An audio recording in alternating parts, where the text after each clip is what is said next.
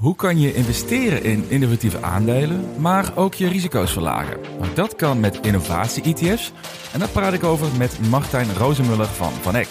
Dit is Beleggen in Innovatie met Mr. Don.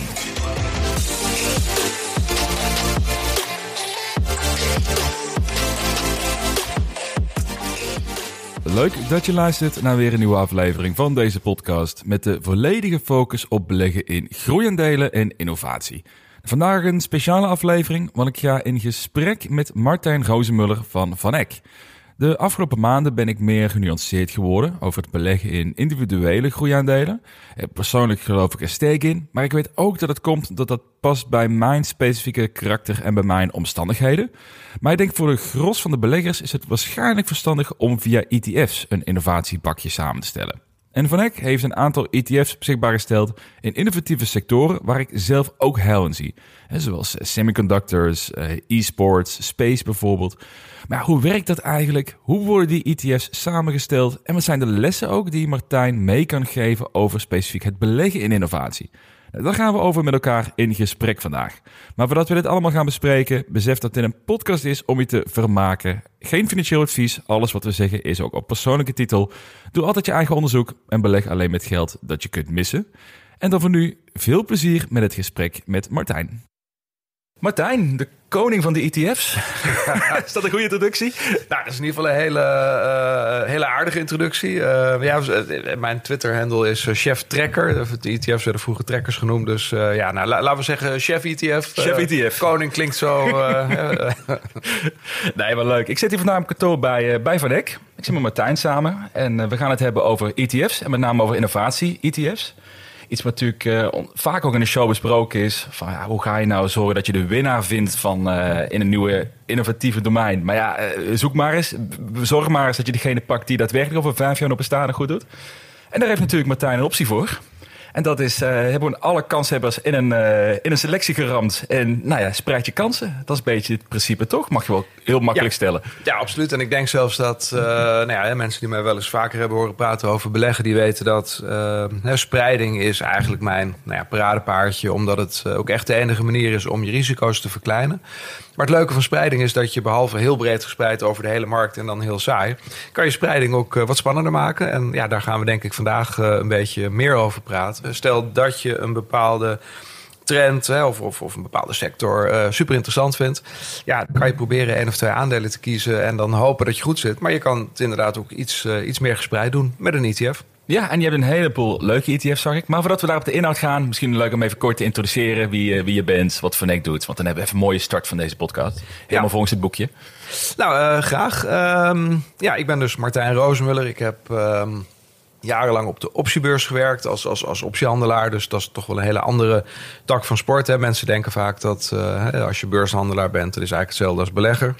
Maar er zijn echt heel veel verschillen. En het belangrijkste verschil is eigenlijk dat een handelaar, en zeker een, een, een optiehandelaar, tegenwoordig worden ze high frequency traders genoemd die, die denkt in, in, in, in tijdslots van, van uh, microseconden of nanoseconden. En een belegger zou eigenlijk in uh, nou ja, jaren moeten denken, misschien wel decades.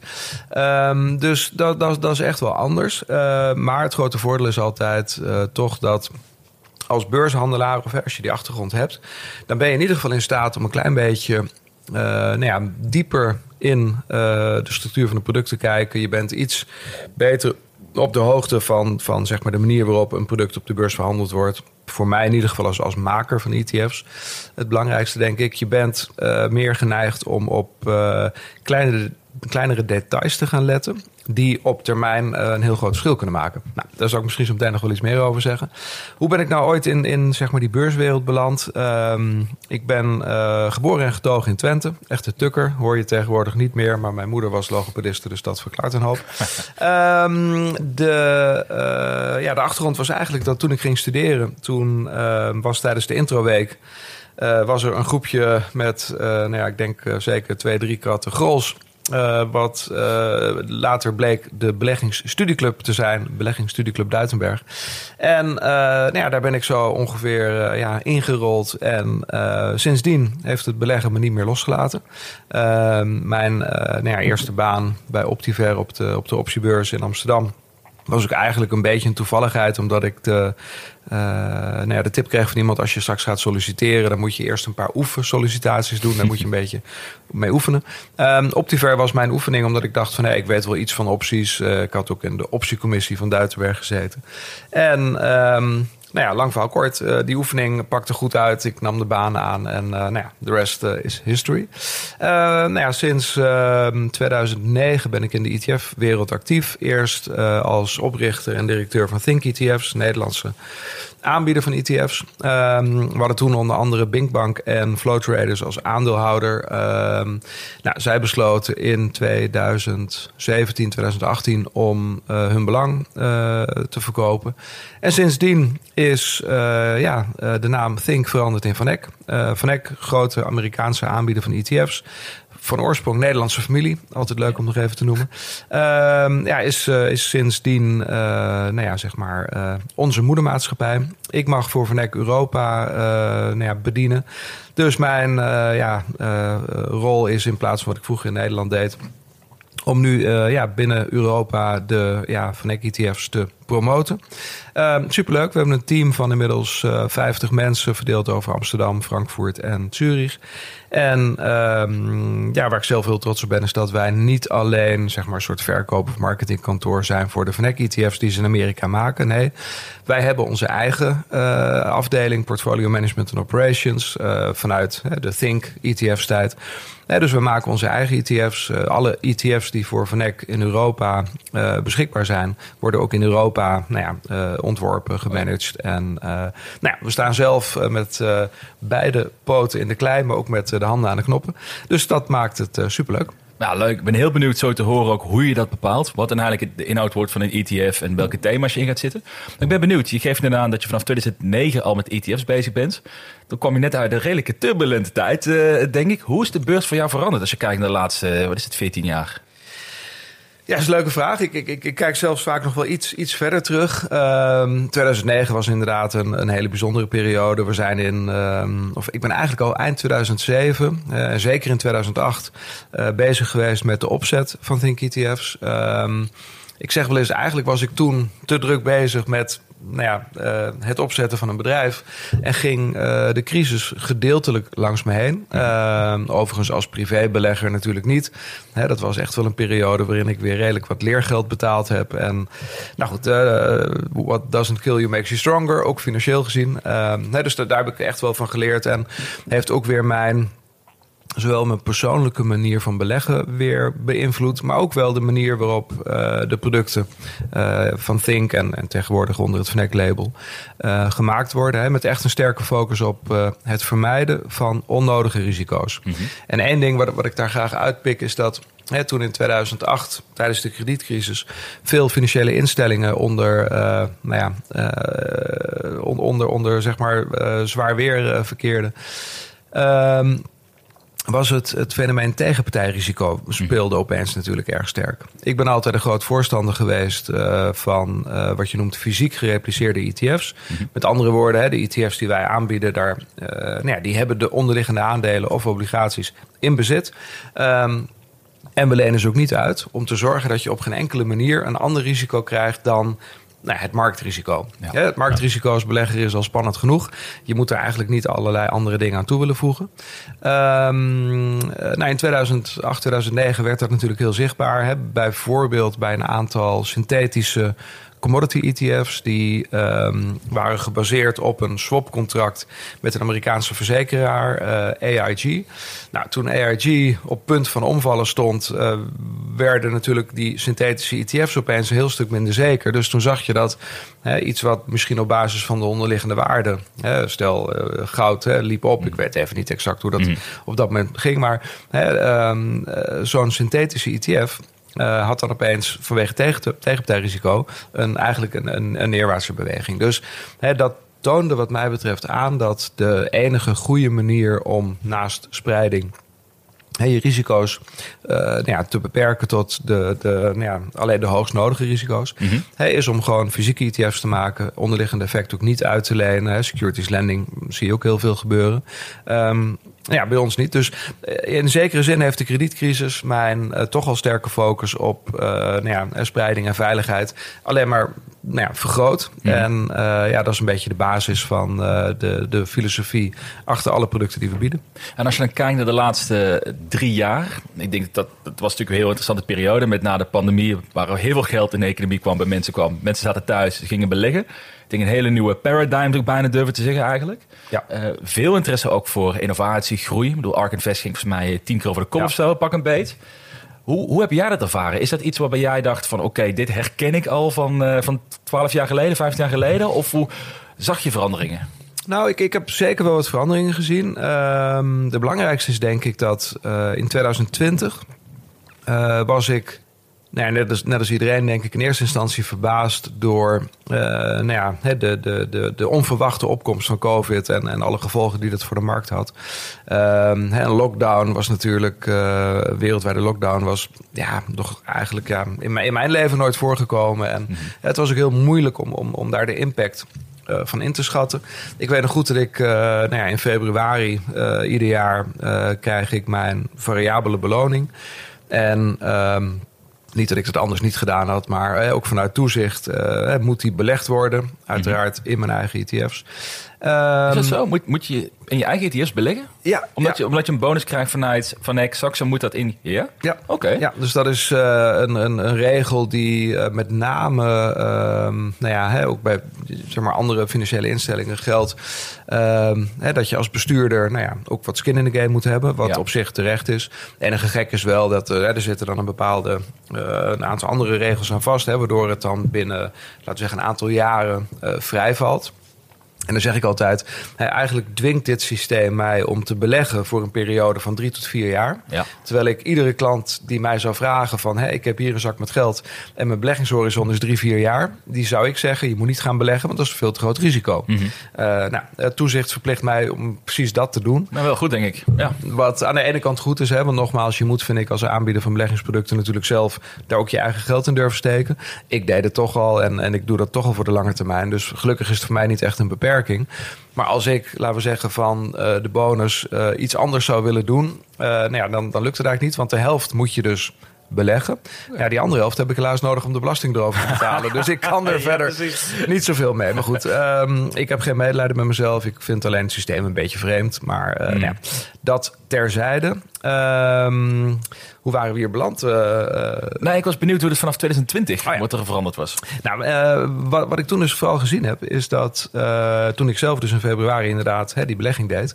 nou, toen gingen we letterlijk een week later. ik, ik werd nog gekocht onze high dividend ETF. nou, lekker stabiel dividend, een beetje op inkomen. dus ik, ik doe dat dan ook eerlijk gezegd dus niet om het na drie, vier jaar weg te mm. kunnen halen. Ik doe dat gewoon echt voor lange termijn. Um, maar dat ding ging dus 30, 40 procent omlaag. Uh, ik geloof zelfs op de, op de loon misschien wel bijna 50 procent eraf. Ja. Puur vanwege COVID, puur vanwege de angst dat hè, dividendbetalingen... die zullen voorlopig niet meer gaan gebeuren. Want hè, bedrijven hebben het geld nodig om nou ja, het hoofd boven water te houden. Dus dat ging heel hard. Uh, nou ja, ook in die periode heb ik mezelf natuurlijk goed voorgehouden. Martijn, je bent een lange termijn belegger. Dit is helemaal niet erg. En, en, toch voelt dat natuurlijk voelt heel een beetje, anders in de praktijk. Uh, ja, dat, dat, dat, voelt een beetje vervelend. Maar, en, en nu komt het. Wat, wat viel mij op? Um, het snelle herstel.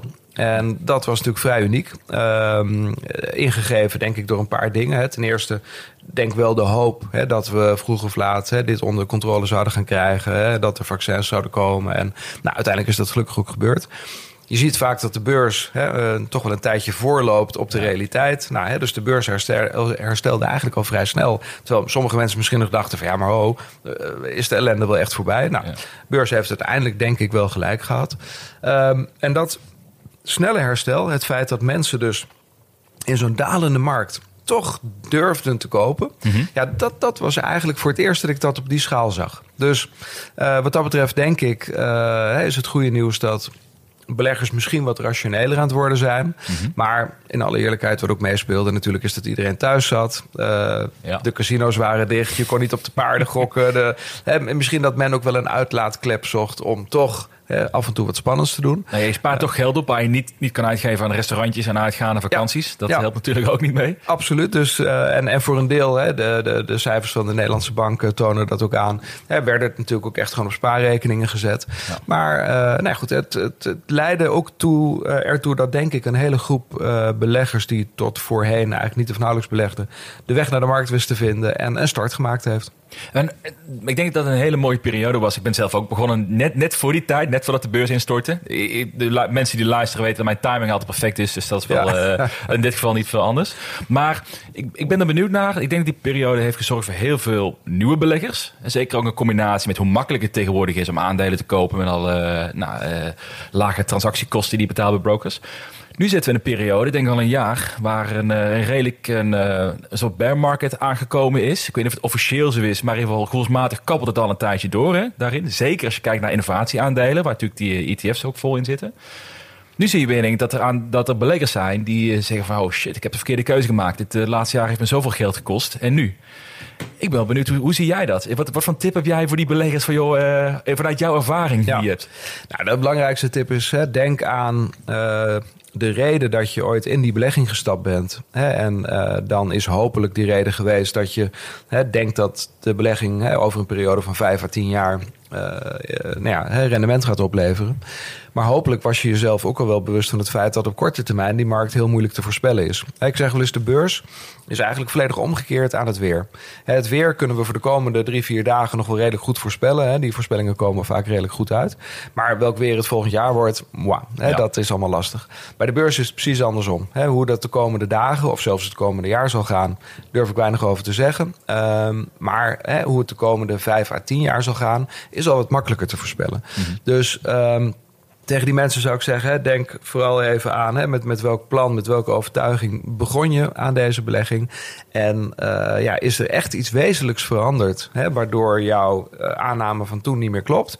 Of ja, is het puur alleen, eh, laten we zeggen, de waan van de dag die op de beurs ervoor gezorgd heeft hè, dat die koersen veranderden?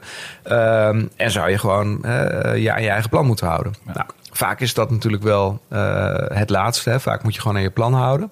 Er is één ding, en met name voor inno- innovatieaandelen, voor tech-aandelen, hè, wat de afgelopen twaalf maanden erg veel invloed heeft gehad. En dat is de rente. Dus bedrijven die vernieuwen, zijn vaak bedrijven die groeien, bedrijven die dus veel kapitaal nodig hebben voor die groei. Ehm, en dan zie je als, als de rente oploopt, dat die bedrijven nou ja, buitenproportioneel hard geraakt worden. Nou, dat zie je dus ook eigenlijk wel binnen onze eigen portefeuille met FNEC ETF's. Dat met name de ehm, eh, ETF's die gericht zijn op, op, op groei, op innovatie die het afgelopen jaar heel slecht gedaan hebben. Hè, ik denk eh, gemiddeld genomen 30% eh, in de min is, ge- is geen uitzondering. Terwijl, eh, nou, daar kwam dan mijn timing om de hoek kijken. Bijvoorbeeld zo- zo'n hoog dividend ETF vorig jaar 15% in de plus ging. Ja. Dus ehm, nou, dat overigens weer hè, overspreiding. Geeft ook wel aan dat je ehm, hè, binnen je totale portefeuille, hè, als je alleen maar focust op groei en innovatie, ja, dan, dan loop je dus het risico hè, op wat de afgelopen jaar gebeurd is. Maar als je dus wat meer spreiding aanbrengt en bijvoorbeeld ook een aantal eh, nou ja, aandelenbeleggingen toevoegt die niet per se op groei of op innovatie zijn, maar juist in hele volwassen, saaie eh, stukken van, eh, van de aandelenmarkt, nou ja, dan kan je dat voor een deel redden. Ehm Goeie nieuws is het natuurlijk wel hè, voor de mensen die wel heel erg in groei en, en, en tech zitten. Eh, ja, weet je, op het moment dat de markt herstelt, op het moment dat de rentes omlaag gaan, hè, gaat dat stukje natuurlijk ook het hardst herstellen. Ja, is het ook niet te veel afgestraft, denk je? Tenminste, ik denk als je kijkt naar de renteverhoging, hè, terecht punt daarin. Maar ik zie ook bedrijven ertussen staan die gigantisch zijn gedaald door waardering. Ik zag laatst in Google, die heeft nu geloof ik een derde van de waarde van een Walmart. Als je kijkt naar price to earnings, om even een metric erbij Ja. te pakken. Ja, is, is dat nog wel rationeel te verklaren of zijn we iets doorgeslagen, denk je? Nou, ik, ik denk dat de beurs eigenlijk altijd wel doorslaat. Hè, Dus eh, dat, dat is ook typisch eh, nou ja, hè, de, de eigenschap, denk ik, van zo'n hele kudde beleggers die één kant op holt. Hè, voordat het één keer stilstaat, eh, ben je per definitie vaak te ver doorgeschoten. En gaan we allemaal weer de andere kant op. Ja, exact. Ja, dus ik denk ook dat voor de meeste beleggers geldt dat ehm, ze eigenlijk zich daar iets minder in zouden moeten laten meeslepen. Dat is natuurlijk ook heel moeilijk. Met name omdat de media er gretig op inspeelt. En vooral op momenten dat er chaos is op de beurs en het slecht gaat, dan, ja, dan, dan verkoopt het gewoon heel makkelijk als je als media hele grote letters gebruikt om te vertellen hoe spannend het op de beurs is. En ja, weet je, dat, dat gaat je hoe dan ook beïnvloeden als belegger. En op een gegeven moment word je, zeker als je zoals ik wat langer meeloopt, wat ouder bent, dingen vaker gezien hebt, eh, word je er misschien ietsje minder gevoelig voor. Maar zelfs zelfs ik ben natuurlijk niet immuun voor mhm. hè, alles wat de media uh, over ons uitstort. Um, en, en ik heb geleerd dat het af en toe best wel helpt om het een beetje te negeren. Hè, en om, om gewoon echt proberen het lange termijnplan vast te houden. Gewoon iets minder naar je portefeuille kijken. Hè, dat is heel lastig. En met name uh, nou ja, uh, beginnende beleggers zijn geneigd om iedere dag te kijken hoe gaat het ermee. De eerste jaar kijk je meer naar je beleggers-app dan naar je Twitter of naar je Facebook bijvoorbeeld. Exact. En dat is, uh, nou ja, zolang het zeg maar, goed gaat, is dat ook helemaal niet erg. Hè. Daar word je er zelfs ook vrolijk van en, en het werkt fantastisch. Maar er is veel psychologisch onderzoek gedaan naar hoe wij aan elkaar zitten als het om geld gaat. En ja, daar komt toch iedere keer uit dat je. Um, nou, laten we zeggen, als je een soort van, van uh, waardering moet geven aan het gevoel wat je hebt als je uh, een, een, winstdag hebt en het gevoel wat je hebt als je een verliesdag hebt, mm hè, dan is zeg maar een winstdag is plus één. Uh, maar hetzelfde bedrag in een verliesdag is, is min anderhalf. Ja. dus op de een of andere manier is, is verlies uh, vervelender voor ons dan winst. En uh, op het moment dat je dus een jaar lang iedere dag gaat kijken... Hè, en, en de meeste jaren hè, die, die hebben een soort, nou, laten we zeggen, bijna 50-50 aan plus- en mindagen. Hè, op lange termijn zijn het aantal plusdagen net in het voordeel... waardoor je dus op lange termijn ook wel een goed rendement kunt maken. Maar als je 50-50 uh, hebt in een jaar en je kijkt iedere dag, ja, dan heb je dus, uh, nou, laten we zeggen, 180 keer uh, plus 1 en 180 keer min anderhalf. Ja, voelt het dan als een slecht jaar, terwijl je misschien wel min of meer op, op, op, op, nou ja, op, op dezelfde stand gebleven bent. Um, dus mijn advies is altijd: probeer nou vooral niet te vaak te kijken, laat je niet gek maken, want vaak het enige wat je kan doen hè, als, het, nou ja, als er iets gebeurt, ja, is een transactie. Maar, uh, dan denk je controle te hebben over het, wat er gebeurt met de koers. Ja. Maar dat heb je natuurlijk helemaal niet erin. Nee, want, want heel veel academisch onderzoek laat ook zien dat de beleggers die het meest, uh, nou ja, het meeste transacties doen, vaak het minste rendement maken. Ja, en, en dat heeft een paar redenen. Hè. De, de, eerste reden is denk ik, iedere transactie kost simpelweg toch een klein beetje geld. Ook al zijn transactiekosten de afgelopen jaren omlaag gegaan. Ze zijn nog steeds meestal niet gratis. Um, en iedere transactie uh, betekent dat je door de bied-laadspread moet. Mm -hmm. dus dat is het uh, verschil tussen biedprijs en laadprijs. Uh, ja, is ook eigenlijk een, een, een, klein beetje geld wat je, wat je verliest. En dan de timing van die markt. Want wat, wat dan gebeurt, hè, stel dat je in paniek toch wat verkocht hebt... omdat je dacht het gaat misschien verder omlaag... Nou, je zal zien op het moment dat die markt herstelt, ja, dan krijg je toch last van die FOMO, hè, de fear of ja. missing out. En dan wil je er weer in. En dan desnoods maar iets duurder als waarop je het verkocht had. Nou, als je dat vaak genoeg doet, is het een perfect recept uh, voor negatief rendement. dus, nou, uh, nou, ik vind het zo typisch. Er zijn heel veel van die uh, typische beursregels die iedereen kan opnoemen ook. Hè. Van iedere beginner leest het boek van, wat is het, die... Uh, ben ik de naam weer vergeten van hem? Nou, je hebt er een aantal. Uh, Random Walk Down Wall Street uh, van Maciel. Je hebt... Ehm, van Benjamin Graham, de Talented ja. Investor. Heet ja, nou? ben, ja. de, de, naam is mij ontschoten van het boek. Volgens mij is het inderdaad zoiets van uh, de, de, de beste investor of de, de, de, de logische investor. Ja, je hebt natuurlijk ook al die vertalingen. Oh, deze ga ik de komende weken echt terugkrijgen op Twitter, denk ik. Maar ah, die monteren maar, we later. die monteren we er even erin. Ik maak gewoon een uh, voice clipje eroverheen. Nee, maar, maar wat ik wilde zeggen ermee is, dat, dat valt mij op als ik nu praat met beleggers, zeker in deze fase waar het wat lastiger is, is mensen zijn heel goed om het, het oprakelen van quotes. Van je moet lange termijn denken, niet ernaar kijken. Maar ik zag laatst een interessante statistiek. Dat tegenwoordig mensen gemiddeld van belegger gemiddeld maar 4,5 maand nog maar een positie vasthoudt. Ja. En 20 jaar geleden was dat mij van drie jaar gemiddeld genomen. Nou, de tijd gaat natuurlijk veel sneller. Maar het betekent, dat viel, vond ik opvallend. Want iedereen kan heel hard roepen van lange termijn, lange termijn. Maar de praktijk zegt een heel ander verhaal. Maar dan kom je denk ik in de problemen wat jij dan noemt. Dat we te veel gaan traden, te veel kijken naar het sentiment. Ja. En dan maak je toch vaak denk ik de verkeerde emotionele keuze. En dat zeg je eigenlijk ook een klein beetje net. Ja, nou dat, dat is ook helemaal waar. En ik heb uh, uh, nog een andere manier om, dat uit te leggen. De, zeker in 2020, uh, 2021, hè, was er in Nederland een, een bijna hetze, zou je kunnen zeggen, tegen nou ja, hè, onze uh, nationale trots, tenminste vind ik, hè, de handelsbedrijven. Nederland heeft een aantal beurshandelsbedrijven die heel succesvol zijn, die uh, wereldwijd ook echt nou ja, bijna toonaangevend zijn. Hè. Als klein land zijn we er echt heel groot in.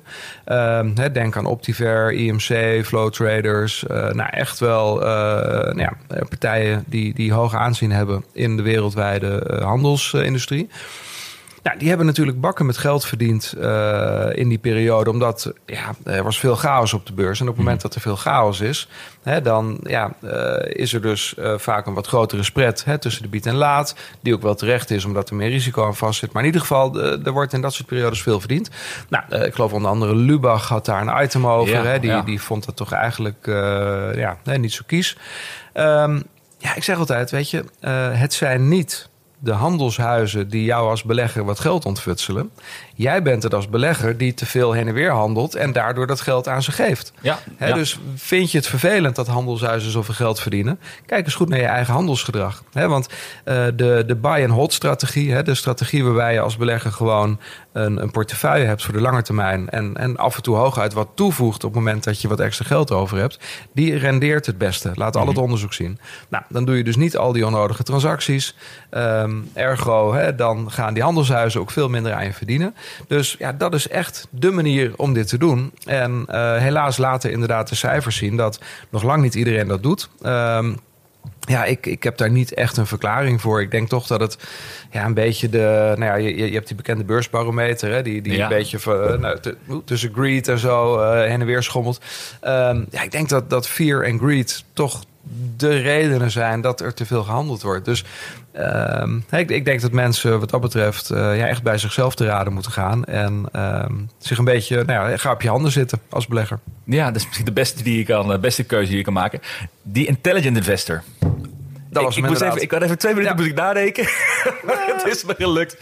Maar ik vind het wel een mooi ezelsbruggetje wat je net zegt. Want dat is ook de reden waarom ik het leuk vind om met jou te praten over die ETF's, die innovatie-ETF's. Ik merk zelf dat je, zeker bij de type aandelen waar in deze podcast vaak over gaat, daar komt sentiment speelt daar best wel een grote rol in. Want je, je belegt eigenlijk in een verhaal voor over vijf jaar. Je hebt heel weinig bewijsvoering nog of het gaat lukken, ja of nee.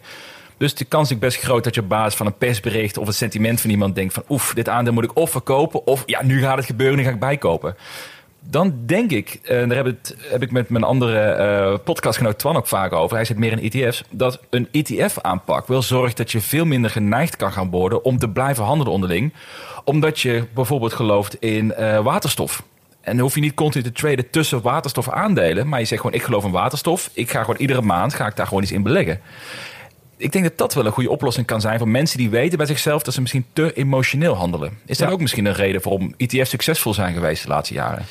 Ja, ik, ik denk dat dat een, uh, een, een, een, hele goede hypothese is. Ik denk ook dat die klopt. Ik weet niet zeker of ik hem kan bewijzen, maar ik zal in ieder geval proberen een, een redenatie op te zetten. Kijk, los van uh, de spreiding, hè, dus het feit dat je niet te afhankelijk bent van het kiezen van uh, twee, drie van de beste aandelen speelt er een ander ding mee. Namelijk, ja, op het moment dat je die twee, drie aandelen in portefeuille hebt, dan, dan worden die koersbewegingen eigenlijk een beetje uitvergroot. Hè, want dat zijn dan de enige twee, drie die je ziet. Um, en je zult zien dat ze af en toe natuurlijk uh, ja, een bepaalde uitslag maken waar je dan uh, van schrik op reageert. Op het moment dat je die tweezelfde twee, drie aandelen in een groter mandje met, hè, laten we zeggen, 25 of 40 uh, aandelen in een ETF hebt, dan worden die koersbewegingen hier en daar een beetje uitgemiddeld. dus die ETF beweegt ook, maar hè, per saldo wat minder dan, dan de losse componenten. Um, waardoor je minder de neiging hebt om uh, te gaan handelen. Ja. En uh, nou ja, wat, wat, wat ook meehelpt, is dat binnen de ETF hè, wordt over het algemeen hè, gekeken naar een index. Uh, die index wordt ieder jaar, sommige indices zelfs ieder kwartaal of half jaar, herwogen. He, dus bepaalde aandelen die het een tijdje nou ja, niet zo goed doen, die worden uh, in zo'n herweging, hè, uh, ja, als daar een beetje zwaarder opgenomen. Een aandeel wat het heel goed gedaan heeft, wordt een klein beetje winst op, op, op, opgenomen eigenlijk. Um, hè, dus je, je, krijgt hele natuurlijke herwegingsmomenten die je als belegger in losse aandelen waarschijnlijk niet zou doen. Mm want mensen zijn bij losse aandelen vaak geneigd om de verliezers maar te laten lopen in de hoop dat het ooit goed komt. dus verlies nemen doen mensen sowieso niet. Uh, winst wordt vaak toch wat snel gepakt. Ja. Ehm, eh, wa- waardoor zeg maar die, ja, die hele rationele, eh, iets wat omhoog gaat, een klein beetje afbouwen, iets wat omlaag gaat, een klein beetje terugkopen. Die hele rationele gedachte achter, achter de, de meeste indices, ja, die, die gaat verloren. En ja, daar, eh, dus, dus daar, daar zit een beetje, denk ik, de combinatie hè, van het hebben van meer spreiding, het minder zichtbaar zijn van de onderlinge uitschieters. En eh, nou ja, de waarde van die herbalancering die die index gewoon iedere keer automatisch doet. Terwijl jij als individuele belegger je waarschijnlijk toch een beetje te veel laat meeslepen door je emoties. Die, die combinatie van factoren maakt dat wat mij betreft zo'n ETF echt de, de betere keuze is. En ja, het enige wat je dan misloopt is dat eh, er zijn natuurlijk altijd beleggers die er inderdaad in slagen om die één of twee parels te vinden. Hè, dan vervolgens ook nog die hele rit, hè, want dat is natuurlijk ook nog een beetje de kunst, Ja. ook echt te maken. Hè? Dus als je dan die pareltjes hebt, niet naar 10% winst te zeggen, nou mooi, nu verkoop ik ze. Eh, ja, die, die, die, die groep is heel klein, heel eh, zeldzaam. En het lukt ze over het algemeen ook niet jaar in jaar uit. Nee, nou, ik vind het altijd een mooi voorbeeld dat mensen zeggen van... eh, ja, als ik twintig jaar geleden was begonnen met beleggen... dan was ik zeker een Apple gestart en had, had ik nu zoveel geld verdiend. Maar inderdaad, hoeveel mensen houden het na die 20%, 30% run... houden ze hem vast en dan geloven ze erin. Eh, hoe vaak is ook met Apple geluiden geweest... over eventueel eh, faillissement of problemen die ze hadden. Ja. Steve Jobs die wegging. Dus vind ik een heel goed punt. Ik denk, wat jij zegt, ben ik mee eens. Ik denk dat je ETF's makkelijker vasthoudt. En ook makkelijker is om daar iedere maand gewoon lukraak geld bij te storten... als je gelooft in het domein. Dus ik denk dat een hele... een soort eh, kan zijn. Ja. Misschien is dat een mooie. En wat ik tof vind, jullie hebben zes ETF's, zag ik eh, voorbij komen. Op, oh, tenminste op, op eh, innovatie gericht, hè, specifiek. Je hebt ook veel meer dan, Ja. eh, dan die zes. Je hebt, eh, ik zal even kijken, halfgeleider, space ETF, waterstof, videogames en e-sports, smart home en crypto. Om daarmee te starten, hoe bepalen jullie welke thema's jullie interessant vinden? Dat is een goede vraag. Ehm, eentje die we onszelf ook regelmatig stellen. Eh, want ja, dat is natuurlijk toch een beetje de, de, een van onze bestaansredenen... is dat we af en toe een, een leuk thema kunnen ontdekken. Eh, er zijn eigenlijk twee, drie, vier manieren waarop dat kan gebeuren. Ehm, de eerste is heel simpel, gewoon luisteren naar klanten. Dus we krijgen af en toe van de klant wel eens de suggestie van... hey, ehm, ik, ik hoorde laatst iets over eh, dit en dit. En hebben jullie misschien een ETF die daar eh, op inspeelt? Ehm, nou, daar komt af en toe ook inderdaad een product uit. Ehm, een andere eh, reden is eh, dat ons product management team, hè, die eigenlijk aan de basis staan voor iedere nieuwe ETF, ja, natuurlijk continu ja, ook een soort van het lands, landschap afscannen om te kijken of er iets leuks voorbij komt. Hè. Dat kan bijvoorbeeld zijn door te kijken eh, welke ETF's, hè, we scannen wekelijks, welke nieuwe ETF's worden in Amerika gelanceerd. Mhm. En zit daar iets tussen wat wij misschien leuk vinden? Dat kan iets zijn wat onze collega's van Van Eck in Amerika doen. Maar het kan ook iets zijn wat een heel ander eh, bedrijf in Amerika doet. Ehm, ja, en dan eh, uiteraard ook eh, binnen het team zelf. Hè, is er een soort van, ja, laten we zeggen, eeuwigdurende brainstorm. En, en iedereen die met een leuk idee komt, ja, die wordt gehoord. En dan gaan we kijken. We, maandelijks hebben we een soort meeting waarin we nou, de nieuwe ideeën bespreken. en dan kijken van, oké, welke zijn zeg maar, echt de moeite waard om verder te gaan onderzoeken. Hè, want eh, het hebben van een idee is één. Hè, maar je moet daarna ook wel gaan kijken, is het eh, ook praktisch haalbaar om er een ETF van te maken? Ah, ja, Hè, ja, om eh, een simpel voorbeeld te geven. Stel, hè, je hebt een eh, fantastisch idee. eh, nou, noem eens iets. ehm, quantum computing. Hoeveel, kijk, dat, dat dat op termijn een eh, absolute doorbraak gaat, gaat, gaat zijn. En dat daar een, een, een eh, enorme een enorm, een enorm verdienmodel achter zit, zijn we het denk ik allemaal over eens. De vraag is alleen, hoe ga je daar dan goed gespreid in beleggen? Ehm, hè, hoeveel bedrijven zijn er die, laten we zeggen, meer dan 50% van hun omzet eh, uit quantum computing halen, die ook nog eens beursgenoteerd zijn hè, en ook nog eens een keer liquide genoeg om eh, makkelijk in en uit te kunnen stappen. Nou, eh, dan zie je dus dat sommige goede ideeën eh, misschien best goede ideeën zijn, maar nog niet praktisch uitvoerbaar. Mhm. En ik zeg dus bewust nog niet, want hè, dat, dat kan betekenen dat je simpelweg misschien iets te vroeg bent.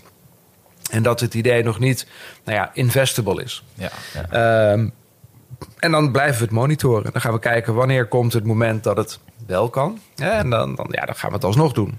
Maar er, zijn op die manier best wel eens eh, ja, momenten geweest dat we heel graag een bepaald thema zouden willen brengen, maar dat het simpelweg nog niet nou ja, investeerbaar genoeg is. ja, wat voor thema's zijn dat? Welke hebben jullie overwogen en gezegd dat gaan we nog niet kunnen fixen? Uh, nou, die ga ik niet noemen, omdat die, die staan natuurlijk nog soort van in de wacht. En ja. uh, zeker de afgelopen twee, drie jaar is um, binnen de ETF-wereld het hele thematische uh, beleggen is, is, is enorm gegroeid. Ja. Wij waren daar relatief vroeg bij. Wij hadden in nou, bijvoorbeeld 2019 hadden we een videogaming en e-sports ETF gelanceerd. Nou, onze Amerikaanse collega's hadden hem ook. Um, in alle eerlijkheid, ik vond het een grappige gadget om het zo te noemen. Ik dacht van, nou, er, zijn, er is zeker een markt voor, maar goed, hè, wel beperkt. Want ja, videogames, e-sports, het is toch een beetje hè, voor jonge mensen. Jonge mensen hebben over het algemeen niet zo heel veel geld, hè, dus die beleggen minder of met kleinere bedragen. Um, maar ik, vond een, een, een, leuk product, dus hè, ik denk, eh, die, die halen we naar Europa. Eh, pas begin 2020, toen, toen zeg maar, de lockdown uh, kwam, begon dat product opeens enorm te lopen. Mhm. En ja, dat was achteraf natuurlijk verklaarbaar. Hè? Als iedereen thuis moet zitten, dan ga je misschien meer videogames spelen. Maar heel veel van de technologie die die bedrijven maakten, was natuurlijk ook bruikbaar op, op andere manieren van op afstand dingen doen. Uh, en, en met name het e-sports uh, nam natuurlijk een vlucht, omdat echte sport opeens nou ja, veel beperktere schaal kreeg. Um, ja, dus soms dan, dan, dan gebeurt er iets onverwachts... wat je eigenlijk misschien ook helemaal niet voorzien had... waardoor een bepaald thema opeens heel hard gaat. Nou, die e-sports ETF die ging toen ruim uh, door het miljard heen qua beheersvermogen. Um, had ook een hele mooie performance. Dus dat, dat trekt dan heel veel mensen aan. Um, en, en ik denk dat dat ook wel een beetje de, de doorbraak van thematisch beleggen is geweest. Mhm. Nou, wij zijn dus uh, misschien ook sindsdien zelf wel iets harder gaan zoeken naar hè, leuke nieuwe thema's. Um, en dat zullen we ook blijven doen. Maar ik denk wel dat we uh, langzaam op het punt komen dat de groei van thematisch beleggen wat gaat afzwakken. Omdat er zijn simpelweg maar een, een beperkt aantal thema's. Mm um, en, en van dat uh, aantal is maar een deel eh, ook echt belegbaar. Dus, nou goed, hè, de, ik denk dat de komende jaren hè, dat dus wat zal af, afzwakken. En dat, dat een, ja, hopelijk de nadruk ook wel weer meer op het serieuze beleggen komt. Hè. Niet dat thematisch beleggen niet serieus is, maar ik merk wel dat omdat uh, die thema's over het algemeen wat volatieler zijn, het mhm. beweegt harder, uh, hè, die kan daar de, de klappers mee maken zie je wel dat mensen daar dan toch wel nou ja, stiekem op hopen. En dat het ons moeite kost om mensen uit te leggen van... hé, hey, weet je, zo'n thema is leuk... Maar hè, om te beginnen, probeer nou niet alles op één thema te zetten. Hè. Kies er dan twee of drie die je leuk vindt. En B, ga nou ook niet alleen maar thematisch beleggen. Neem nou ook een aantal van onze wat saaiere ETF's. Mm. Want hè, op lange termijn hè, geeft ook laten we zeggen, een doorsnee van de wereldwijde aandelenmarkt best een prima rendement. Um, en, en kan het je in, in tijden van heel veel rumoer op de beurs, kan het je ook nog een beetje redden, omdat het de volatility van je hele portefeuille dempt. Wat, wat ik echt blij, waar, waar, ik echt blij mee ben, is dat ik nu zie, met name de afgelopen maanden, omdat de rentes oplopen, hè, dat er toch weer wat aandacht komt voor beleggen in obligaties. Mhm. hè, we hebben een aantal hele leuke obligatie-ETF's die de afgelopen jaren toch niet heel populair waren, omdat iedereen zei van ja, die rente die uh, gaat al alsmaar omlaag en wat moet je nou nog met obligatie-ETF's, weinig rendement. Uh, nou, ik heb altijd volgehouden dat ze in ieder geval één nut hebben in je portefeuille, namelijk hè, dat het de boel toch een beetje uh, stabiliseert, want ze bewegen gewoon minder hard. Um, dan zeggen mensen, ja, maar in 2022 gingen ze net zo hard omlaag als aandelen. Nou ja, dat was inderdaad in 2022 het geval. Dat was een vrij uniek jaar. Um, maar ik denk ook dat we wel kunnen stellen dat die daling, hè, hoe vervelend die ook was, uh, A, vrij uitzonderlijk was. En B, um, nou ja, tenzij de, de rentes, uh, de tienjaarsrentes uh, nog een keer verdubbelen of verdriedubbelen naar 10, 15 procent, hè, zal die daling de komende tijd erg gaan meevallen. Mhm. En weet je, ik kan de toekomst niet voorspellen, ook de rente niet, maar hè, dat we nu opeens bang zouden moeten zijn dat die rente naar 10 procent of, of 15 procent gaat, vind ik, nou ja, onwaarschijnlijk. Um, dus ja, weet je, obligaties toevoegen nu misschien wel weer zin. Um, dus nou goed, um, ik blijf het roepen. Spreiding, spreiding, spreiding. Uh, en ja, probeer daarbij inderdaad uh, de thema's vooral te gebruiken... om voor jezelf leuke accenten aan te leggen in een portefeuille... in nou ja, gebieden waar je zelf echt in gelooft. Nou, ik kan me wel voorstellen dat zeker als je beperkte tijd hebt... of wilt steken in het analyseren van aandelen... of je hebt er gewoon te weinig kaas van gegeten... en je gelooft in smart home... dat je daar natuurlijk veel makkelijker op die manier kan instappen en nog steeds in termijn kan zitten. Ik kreeg trouwens wel een leuke vraag nog van uh, Observer via Twitter. We hebben altijd goede namen via de Twitter-volgers ook. Dus geen Piet en Jan, maar gewoon... Nou, die zijn er ook trouwens. maar uh, Observer vraagt vind ik wel een goede. Hij zei van... Um, ETF's hebben een behoorlijke vlucht genomen. Thematische ETF's. Maar hoe zorgen jullie nou ervoor dat je onderscheidend blijft van andere partijen die er ook mee zijn begonnen? Nou, de belangrijkste manier waarop wij dat doen is uh, eigenlijk iets wat we vanaf het begin af aan gedaan hebben. Uh, we noemen dat pure play. Uh, dus wij willen als we een index zoeken voor een bepaald thema, willen we dat die index uh, nou ja, op zijn minst één criterium heeft, namelijk dat een bedrijf nou ja, 50% van de omzet uit het thema moet halen om opgenomen te kunnen worden in de index. En dat, dat heeft een beetje een spanningsveld, omdat je daarmee soms um, uh, laten we zeggen, het universum zo verkleint hè, dat je eigenlijk niet voldoende aandelen kan vinden. Hè, dus soms moet je daar een heel klein beetje pragmatisch mee omgaan. Uh, om een voorbeeld te noemen, in onze waterstof-ETF ehm, hebben we twee of drie grote gasproducenten opgenomen die uh, onder andere ook waterstof produceren. Hè, dat is dan in dit geval weliswaar niet 50% van hun omzet. Maar we hebben ze wel, of in, in deze index zijn ze wel opgenomen, omdat uh, nou, die gasproducenten zijn zo belangrijk voor dat waterstofdomein dat zonder die gasproducenten werkt het überhaupt niet. Mm -hmm. en wij kunnen ze heel goed gebruiken in, die, in het mandje, zeg maar. Omdat het grotere bedrijven zijn die vrij liquide zijn. Hè, waarmee je dus makkelijk uh, de liquiditeit ook van de onderliggende ETF kan bieden. Hè, dus uh, een beetje pragmatisch moet je er af en toe mee zijn. Maar uiteindelijk is pure play toch wel de manier om je te onderscheiden van partijen die ja, het zeg maar iets minder nauw nemen met zo'n thema. En hè, dan kom je al heel snel, kom je, laten we zeggen. Um, uh, alfabet kom je bijna overal tegen, want die hebben overal wel ergens een vinger in de pap. Nou, zo zijn er nog wel een paar bedrijven die heel veel hè, verschillende thema's ergens in de paraplu behangen, zonder dat het dan echt materieel is. En uh, nou ja, goed, dan eindig je met een product wat een veel hogere correlatie heeft met bijvoorbeeld de MSCI World. Mm -hmm. Terwijl je nou eigenlijk juist bij het thema daarvan af zou willen wijken. Exact, ja. Nou, wat mij dus opviel toen ik een beetje onderzoek ging doen ook naar deze ETF's. Kijk, de eerste wat ik natuurlijk doe is vergelijken trekken met Arcavest. Omdat ja. natuurlijk misschien wel de meest populaire of meest bekende fonds is op innovatieaandelen.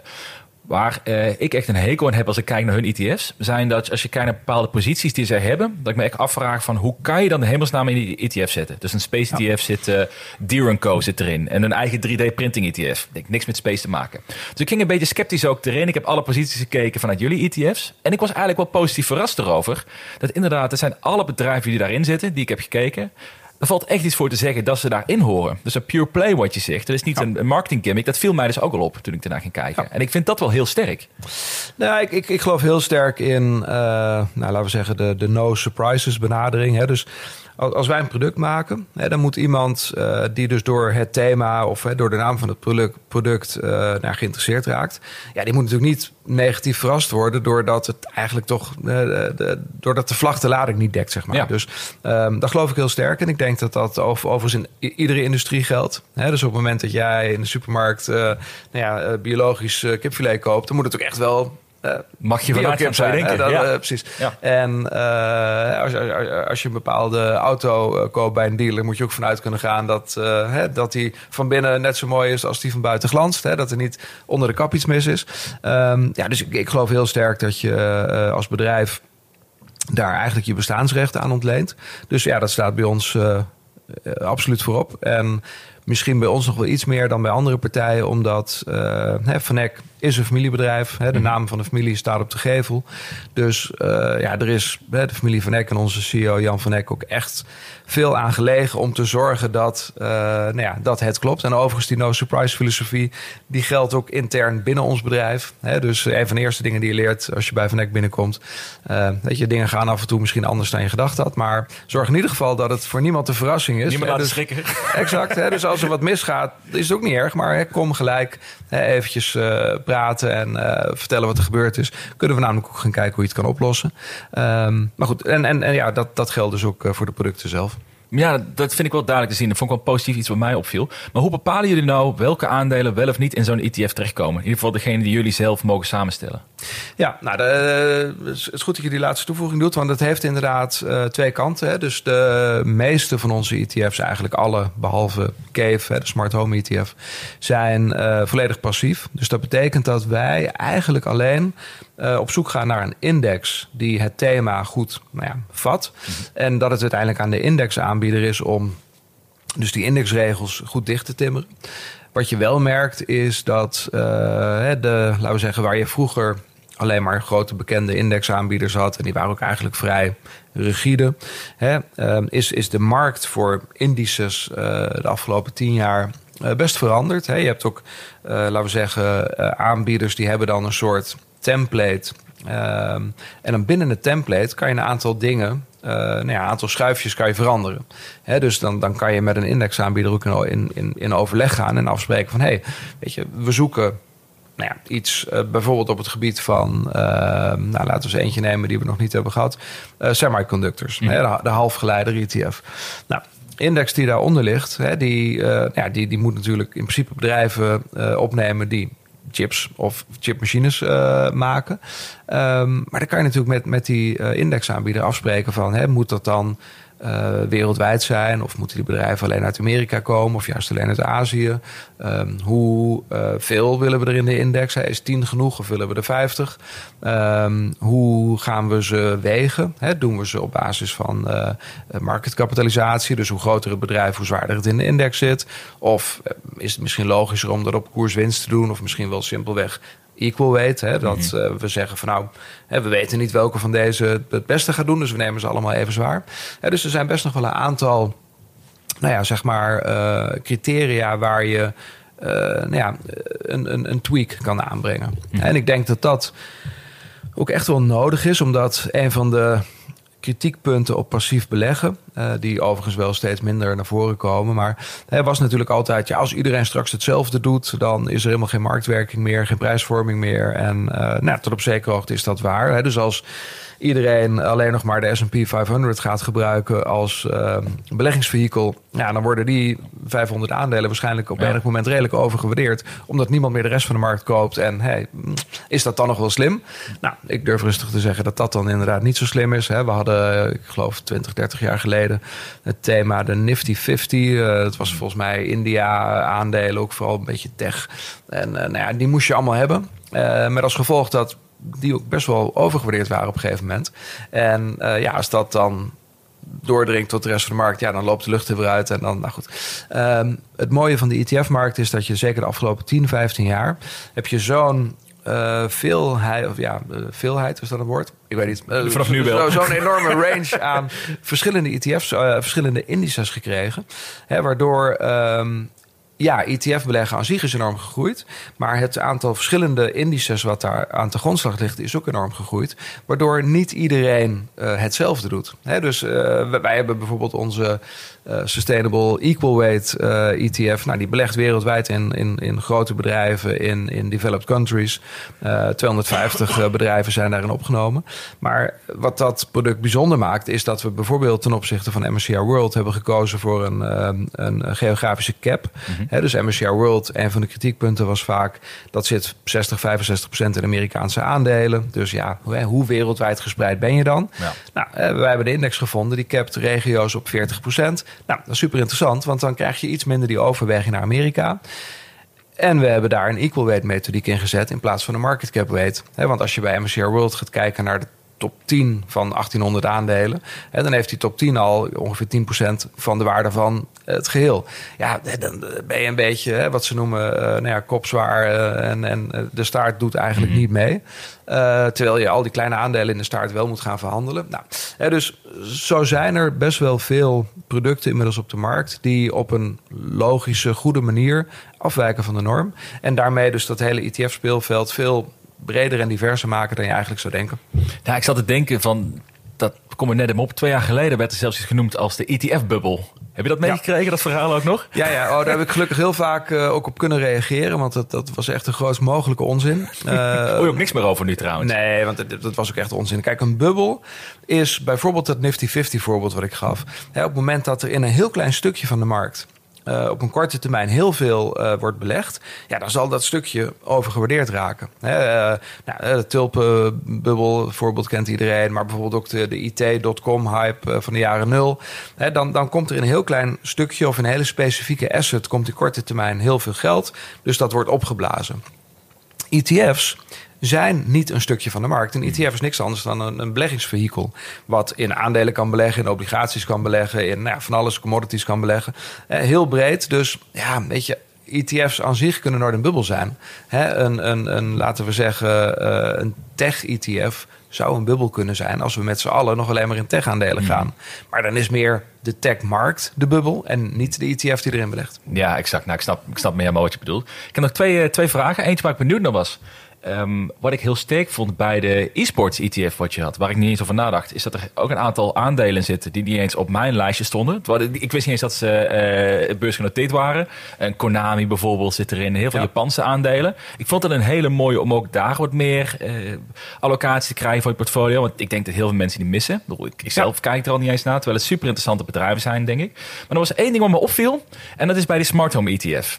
Alle ETF's die jullie maken, volgens mij zijn 25, 26 posities. Smart Home is 46 eh, posities aan mijn hoofd. En alle ETF's, de andere zag ik heel specifiek op dat thema. Smart Home gaat een stukje breder. Ja. zie ik bijvoorbeeld ook in Nintendo en dat soort dingen erbij staan. Hoe, hoe hebben jullie dat bepaald, die verbreding? Nou, dus um, uh, goede observatie. Smart Home is ook onze enige actief beheerde ETF. Smart Home doen we samen met een uh, Nederlands family office, hè, zeg maar een grote professionele belegger. Nou, en zij hebben al, nou, pak een beetje een jaar of tien, ja, 20 wel. Um, een hele sterke focus op, uh, laten we zeggen, uh, lange termijn trends. Dat zijn heel vaak uh, dingen met een affiniteit met, met tech. Hè, trends waarvan zij denken van, hé, hey, weet je, die zien we echt nog wel 10, 20 jaar doorlopen. En als lange termijn belegger is dat interessant om daarop in te gaan. Nou, wij hebben contact met ze gelegd een paar jaar geleden en, en zijn gaan nadenken over een van hun beleggingsthema's, hè, smart home om te kijken of we niet een ETF konden maken die dan uh, eigenlijk hun beleggingsbeleid uh, in de ETF volgt. Mm -hmm. Nou, um, de reden dat het vrij breed is, is dat als je gaat nadenken over smart home, um, dan is eigenlijk de gedachtegang als volgt. we hebben uh, de afgelopen, nou zeker de afgelopen twee, drie jaar gezien dat er eigenlijk veel meer vanuit huis kan dan we misschien tien jaar geleden dachten. Maar als je de, de, de blik nog wat verder verbreedt, vanaf laten we zeggen de middeleeuwen tot aan nu, dan zie je dat, dat het, het, uh, de manier waarop we ons huis gebruiken, een soort van een evolutie heeft doorgemaakt. En, en nou ja, die trend die gaat doorzakken, eh, doorzetten. En hè, waar je bijvoorbeeld aan kan denken, hè, de, de meeste mensen zullen gelijk denken work from home. Nou, hè, we hebben inderdaad geleerd tijdens COVID dat je dus prima vanuit huis uh, ook uh, bepaalde delen van je werk kan doen. Sommige mensen kunnen het volledig vanuit huis doen. Uh, maar je kan ook denken aan learning from home. Hè, dus mensen die thuisscholing hè, krijgen, studenten die colleges vanuit huis kijken. entertainment hè, kan ook heel mooi vanuit huis. Hè. Je hoeft niet meer per se naar de bioscoop om een film te kijken. Hè. Je kan dat ook af en toe heel prima thuis doen. Ehm, caring, denk aan de gezondheidszorg. Steeds meer toepassingen die ervoor zorgen dat met name mensen die bijvoorbeeld minder goed te been zijn, hè, ouderen, hè, dat die thuis een deel van de zorg die ze anders uh, elders kregen, dat ze die thuis kunnen krijgen. Uh, maar denk ook aan shopping. dus uh, zowel de, de, laten we zeggen, dingen via Zalando bestellen of, of Amazon, maar ook je, je eten thuis laten komen. Nou, dat is natuurlijk, uh, allemaal heeft dat één gemeenschappelijke deler. Namelijk hè, dat je het vanuit huis kan doen. Hè, dat het mhm. je huis slimmer maakt. Uh, maar daarna is het ook heel breed. Dus vandaar dat je in zo'n uh, portefeuille dan best wel diverse bedrijven tegenkomt. Hè, die nou ja, allemaal op hun eigen manier iets te maken hebben met het thema smart home. Ja, en ik denk dat dat best wel een uitdaging kan zijn, ook voor Vanek, om het goed duidelijk te maken waar het thema over gaat. Want als ik in eerste instantie denk aan smart home, is mijn perceptie heel veel technologie, Samsung, je dat soort adverteerders of ja. merken. Uh, en dan zie ik bijvoorbeeld tussen staan HelloFresh. Nou, ik, ik, kan het plaatsen van het verhaal wat je vertelt. Maar in hoeverre denk je, in hoeverre wordt een thema zeg maar, te breed? In die zin, dat je, dat je alles onder smart home of home kan plaatsen. Misschien heeft het ook wel een praktische toepassing. En dat je zegt, we willen gewoon, we hebben meer posities nodig omdat het minder liquide is of iets dergelijks. Maar hoe, hoe, hoe zie jij dat? Hoe, hoe, hoe specifiek zou je willen gaan op een thema? Nou, in dit geval speelt er natuurlijk nog één ander ding mee. En dat is dat omdat het een, een actief beheerd uh, fonds is, een actief beheerde ETF. He, wordt in het beleggingsbeleid eh, van de SIM wordt natuurlijk ook gekeken naar de waardering van die verschillende bedrijven. Mm. dus stel nou dat, uh, om er één stuk uit te pakken, dat online shopping, dat dat inmiddels al wel uh, nou ja, een enorme vlucht genomen heeft. En die bedrijven misschien relatief hoog gewaardeerd zijn, ja, dan zullen die misschien iets minder worden opgepikt, omdat hè, de, de, de beheerder dan denkt van ja, die zijn al vrij duur. Mm dus misschien moet ik proberen om een andere subcategorie te vinden. nou, laten we zeggen e-learning, om maar eens wat te noemen, waar misschien die waarderingen minder hoog zijn. Uh, dus op die manier worden er wel echt hier actieve keuzes gemaakt die uiteindelijk natuurlijk tot doel hebben om, ja, laten we zeggen, ja, de krent uit de pap te halen. En toch hè, wel anders dan alleen maar heel nou ja, laten we zeggen, formeel hè, die verschillende subcategorieën willen opnemen. Mhm. Er wordt ook echt wel gekeken van hè, welke subcategorie is misschien nu iets interessanter dan welke andere subcategorie. En op die manier uh, ja, zie je dus dat actieve beleid daarin terugkomen. Ja, ja oké, okay, dat snap ik. Dus je kunt ook daar wat meer gaan, gaan wisselen ook wel welke thema's de overhand krijgen binnen zo'n ETF daardoor. Ja, en we hebben wel echt uh, goed met ze overlegd ook dat ondanks dat er actieve keuzes kunnen worden gemaakt in het beleggingsbeleid, uh, zijn die keuzes wel uh, nou, redelijk rules-based. Ik denk dat dat bij beleggen ook wel iets heel belangrijks is wat ik nou ja, altijd graag nog even noemen. Hè. Dus uh, actief-passief is eigenlijk een beetje een verkeerde discussie. Het gaat er meer om, is iets rules-based? Kan je het goed herleiden? Kan je het goed verantwoorden? Of is iets nou ja, volledig subjectief? Nou, en met name dat laatste, hè, dat, dat leidt vaak weer tot emoties en, en beslissingen die op verkeerde gronden gemaakt worden. Het eerste kan dus ook heel goed binnen een actief beleid. je kan, en, en, dat doen ze bij de SIM ook heel goed, je kan heel goed een aantal regels opstellen waar, waar je als belegger uh, ook van een actief fonds aan moet houden. Om te zorgen dat je dus niet meegesleept wordt door je, ja, door je eigen emoties. Ja, ja. Ik had nog twee suggesties, of niet suggesties, twee dingen waar ik benieuwd naar was. Clean energy. Ah. Is dat niet? Dat, dat lijkt mij perfect passen eigenlijk in het thema en de mogelijkheden die er zijn. Ja, absoluut. Uh, het is wel ook een, een, een, categorie die natuurlijk de afgelopen twee, drie jaar al best wel gehyped is. Ja. het ene jaar het best presterende fonds en het volgende jaar weer het slechtst presterende fonds. Um, dus, dus dat maakt het lastig. Het is ook een, een, een thema waar al wel wat concurrentie op is. Ja. En ik denk dat zeker bij thematisch beleggen geldt dat je wil eigenlijk wel als eerste met een bepaald thema komen en niet als vierde of vijfde. Um, dus dus daar, daar zit dan wel een beetje een, een dilemma. En in alle eerlijkheid, weet je, als, als er twee of drie partijen zijn die al iets in een bepaald thema aanbieden waarvan ik denk van nou, kunnen we nauwelijks verbeteren. Nou, dan, dan zijn we ook nooit de beroerdste om hè, tegen een klant die er naar vraagt te zeggen van nou weet je, wij hebben dat niet, maar hè, misschien moet je eens daar en daar kijken. Hè, we kunnen geen advies geven over producten van de concurrent, maar weet je, we, ja, hè, zo realistisch zijn we ook wel. We hoeven niet alles te doen, mhm. maar dat wat we doen, daar moeten we wel de beste in zijn. Nou, ik, vind het wel goed dat je zegt dat je kijkt naar ook categorieën die er nog niet zijn. Dus dat je bijvoorbeeld niet wat een, uh, nou, een concurrent heeft natuurlijk ook clean energy. Dat je niet gaat tegen concurreren terwijl je die optie al hebt. Tenzij je natuurlijk echt nadrukkelijk een andere strategie, andere assets kan kiezen daarin. Ik heb wel eentje die nog niet bestaat. Ah. Dat is uh, de Short Mr. Don ETF. Ik weet dat heel veel mensen daarop zitten te wachten de afgelopen jaren. Maar van Zoldergein, hoe, hoe, hoe maak je zoiets? Hoe werkt dat? Hoe, hoe, hoe, hoe als ik zo'n Mr. Short ETF, zo, Mr. Don Short ETF zou willen hebben, wat heb ik daarvoor nodig? nou, laat ik om te beginnen voor, voor wie dat niet weet. Hè. De, de, de, het is natuurlijk allemaal, allemaal aangebracht door hè, de Short Jim Cramer of de Inverse Jim Cramer ETF. Uh, nou ja, bekende Amerikaanse tv-persoonlijkheid die een hele sterke mening heeft over beleggen en er ook best wel vaak naast ja. Uh, vandaar het idee van misschien moeten we een short ETF maken op zijn plannen. Um, ja, in, in uh, notendop. Nee, een long ETF is makkelijk. Hè? Dan koop je gewoon alle aandelen die door iemand getipt worden. En nou ja, dan zit je ze dus long. Um, ja, een short ETF is eigenlijk niks anders dus dan het omgekeerde doen. Namelijk alle tips van iemand nemen en dan die aandelen short gaan. hè? Mhm. Dus uh, speculeren op een daling. Um, er zijn eh, een aantal ETF's die uh, ofwel met een inverse, hè, dus een, een short strategie werken, of met een leverage. Hè, dat is ook nog een keer, uh, als je dus long wil, kan je ook nog extra long gaan door voor een deel met geleend geld te beleggen. Nou, laat ik dat laatste gelijk eventjes heel duidelijk maken. Wij, wij geloven niet ik persoonlijk geloof ook niet in beleggen met geleend geld. Heel mhm. simpel, omdat je om te beleggen moet je geld gebruiken wat je lang kan missen. dus geld wat al niet eens van jou was, maar wat je van iemand moet lenen. Als je daarmee gaat beleggen, dan dat is echt gokken. Niet doen. Nou, dus leverage ETF's gaan we sowieso niet maken. Ze zijn niet zo moeilijk om te maken. Je kan er ook best veel geld aan verdienen als aanbieder. Alleen je klanten lopen erop leeg, dus dat doen we niet.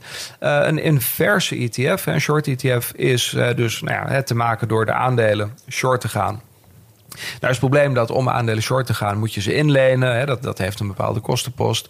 Um, en er, er zit natuurlijk een beetje het nadeel aan dat als jouw visie op enig moment niet uitkomt, hè, en dat duurt heel lang, uh, en die kosten gaan er wel steeds af, ja. dan is een short ETF dus per definitie eigenlijk een eindig instrument. Mm je kan uiteindelijk, hè, ook vanuit de optie, theorie. de tijdswaarde loopt eruit.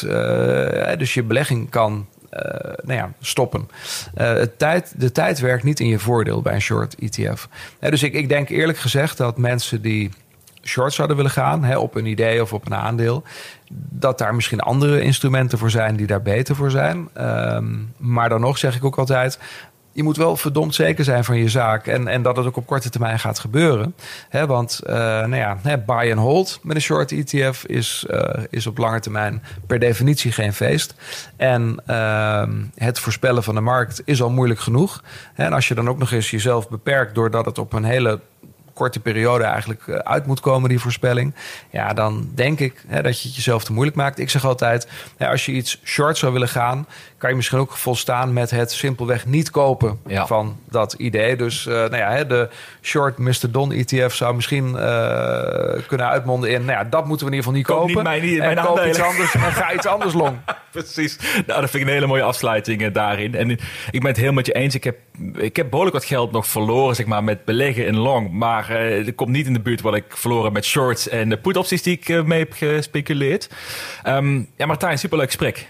Dankjewel. Graag gedaan. Heb je nog afsluitende, afsluitende woorden voor uh, vinden via Chef Tracker op Twitter? Famous last words. Um, nou, laat ik uh, mezelf makkelijk maken en zeggen van... Uh, mochten er mensen zijn die naar aanleiding van dit gesprek vragen hebben... ja, je kan me natuurlijk via Twitter benaderen. Ja. ja. je kan ook Mr. Don benaderen. En ja, wellicht maken we nog een keer een vervolg... om alle vragen die openstaan te beantwoorden. Nou, superleuk. Chef Tracker op Twitter voor de liefhebbers. dankjewel allemaal voor het luisteren en tot de volgende week.